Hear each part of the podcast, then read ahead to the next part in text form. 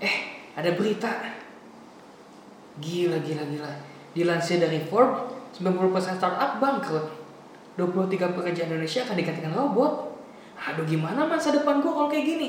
Kok cepet banget semuanya berubah? Gak paham gua. Wait, tenang, tenang, tenang. Perubahan memang sering bikin gagal paham.